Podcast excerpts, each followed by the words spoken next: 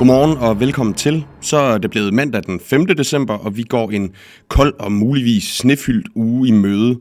Men inden sneen falder, så lander dit nyhedsoverblik over weekendens vigtigste historier fra danske og internationale erhvervsmedier lige her. Det byder på milliardstore renteregninger, der kan gøre særdeles ondt på både virksomheder og boligejere, mens vi også skal forbi en russisk skyggeflåde og den kinesiske coronaudvikling, der har taget en ny drejning.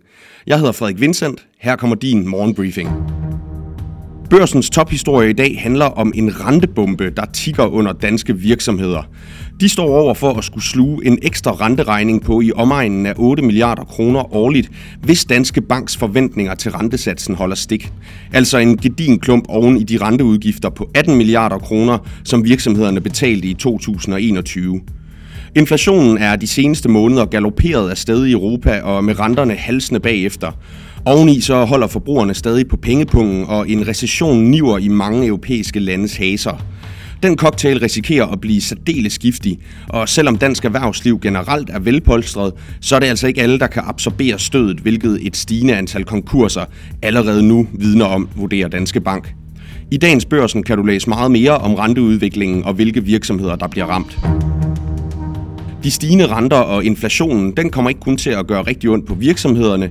Tusindvis af danske boligejere står også til at komme i pengenød næste år, skriver Finans på sin forside i dag. Og den vurdering den kommer altså på baggrund af en analyse fra bankernes interesseorganisation Finans Danmark, som har regnet på, hvordan boligejernes rådighedsbeløb bliver til næste år, skriver mediet. Og der kan man læse, at for ca. 120.000 familier, der både har en dyr opvarmningsform og et rentetilpasningslån, der lyder den månedlige mere regning på 4.500 kroner til 9.000 kroner. Og i den sidste gruppe, der er regningen så stor, at 10.000 familier får økonomiske problemer, står der altså i Finans i dag. I dagens børsen, der kan du også læse, at oliekrigen mellem Rusland og Vesten for alvor bryder ud i dag. EU lukker ned for import af russisk olie af søvejen, og i et samarbejde med USA, Japan og Kanada, der vil man også reducere Ruslands eksportindtægter med et prisloft, der er blevet fastsat på 60 dollar per tønde russisk olie. Men Rusland har for længst sat sit modangreb i værk, og det mest effektive våben, det ligner altså en såkaldt skyggeflåde, der består af mindst 100 gamle tankskibe, som Rusland har samlet over det seneste år. De skal sejle russisk uralolie til kunder som Kina og Indien, der gerne bryder EU's og G7-landenes nye prisloft på russisk olie, står der i avisen. Senioranalytiker i Dansk Danske Bank, Arne Lohmann Rasmussen, han fortæller desuden, at Rusland også kan omgå vestens nye sanktioner på andre måder. For eksempel så kan olie og olieprodukter lastes om til havs, og de kan også optræde under falske navne efter raffinering. Læs mere om oliekrigen i dagens børsen og på borsen.dk. Weekenden den bød også på en ny udvikling i de igangværende regeringsforhandlinger, da konservative lørdag valgte at forlade forhandlingerne. Og partiets formand Søren Pape oplyser i den sammenhæng, at han ikke mener, at et regeringssamarbejde med Socialdemokratiet og Mette Frederiksen er forenligt med de løfter, han gav under valgkampen. Nu står Venstre tilbage som det eneste blå parti i forhandlingerne, og søndag der meldte formand Jakob Ellemann Jensen ud, at Venstre altså vil fortsætte arbejdet med at danne et regeringssamarbejde over midten. Du kan læse meget mere om regeringsforhandlingerne på borsen.dk. Hos Berlingske kan du finde historien om, at Danmarks største virksomhed Mærsk erkender, at selskabet indtil nu ikke har gjort nok for at sikre et trygt arbejdsmiljø for de ansatte ude på skibene. Det sker i kølvandet på det stigende antal sager om seksuelt krænkende adfærd på skibene, som rædderikæmpen er blevet ramt af de seneste år. Amalie Grevsen, der er leder for kulturtransformationen i Mærsks flåde, hun fortæller til Berlingske, at der til gengæld nu bliver sat massivt ind for at rette op på problemerne gennem en kulturtransformation, der skal eliminere alle former for sexisme og seksuelle krænkelser i flåden, lyder det. EU skal forenkle og tilpasse sine regler for statsstøtte.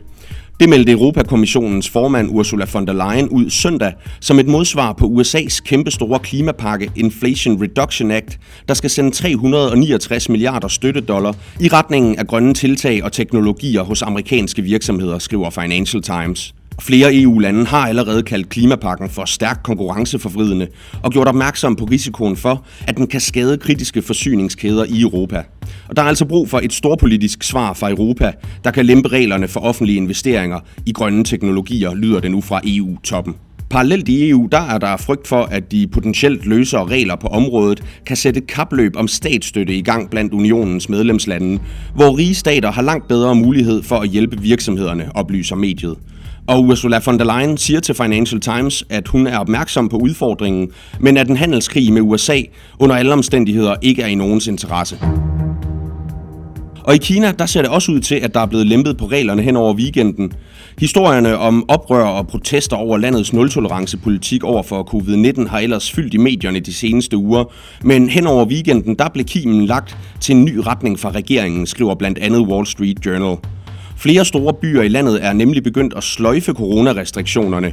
Blandt andet i Shanghai, hvor det ikke længere er nødvendigt at fremvise en negativ PCR-test for at bruge offentlig transport, står der hos Financial Times.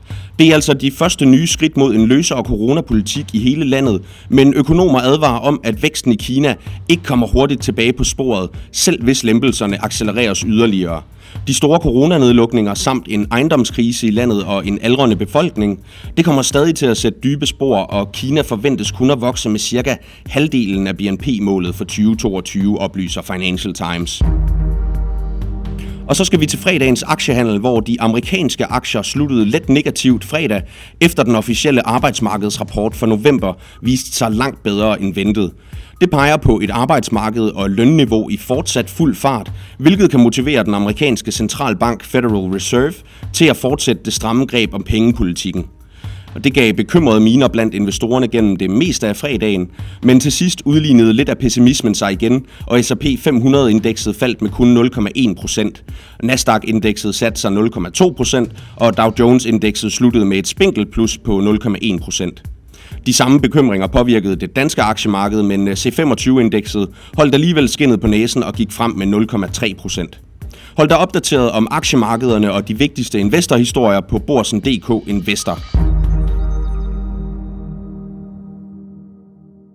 Og så bliver vi i rentesporet lidt endnu.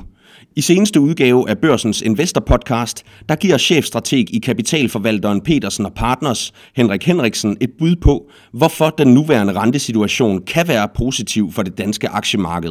Ja, altså jeg, jeg, jeg tænker jo, der er både plusser og minuser, og, og ender nok på sådan noget lidt, det kan gå den ene vej, det kan gå den vej, måske, måske lidt neutralt, fordi øh, man kan sige, jeg, jeg vil tro, at renterne snart nærmer sig en, en top. Risikoen er stadigvæk på opsiden. Altså, men, men jeg tror, renterne snart nærmer sig en top. Måske, måske har de toppet, måske bliver det i, i første øh, kvartal.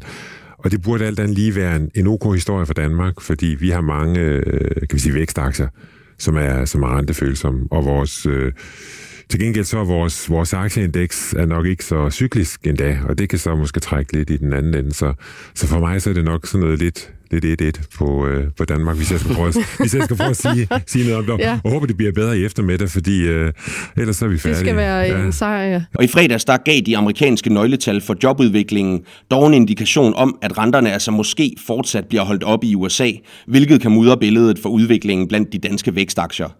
Du finder Børsens Investor Podcast samme sted, som du lytter til Morgenbriefing. Det var alt for Morgenbriefing i den her omgang. Tak fordi du lyttede med. Det kan du gøre igen i morgen, hvor vi har et nyt overblik klar til dig. Indtil da, så håber jeg, du får en rigtig stærk start på ugen.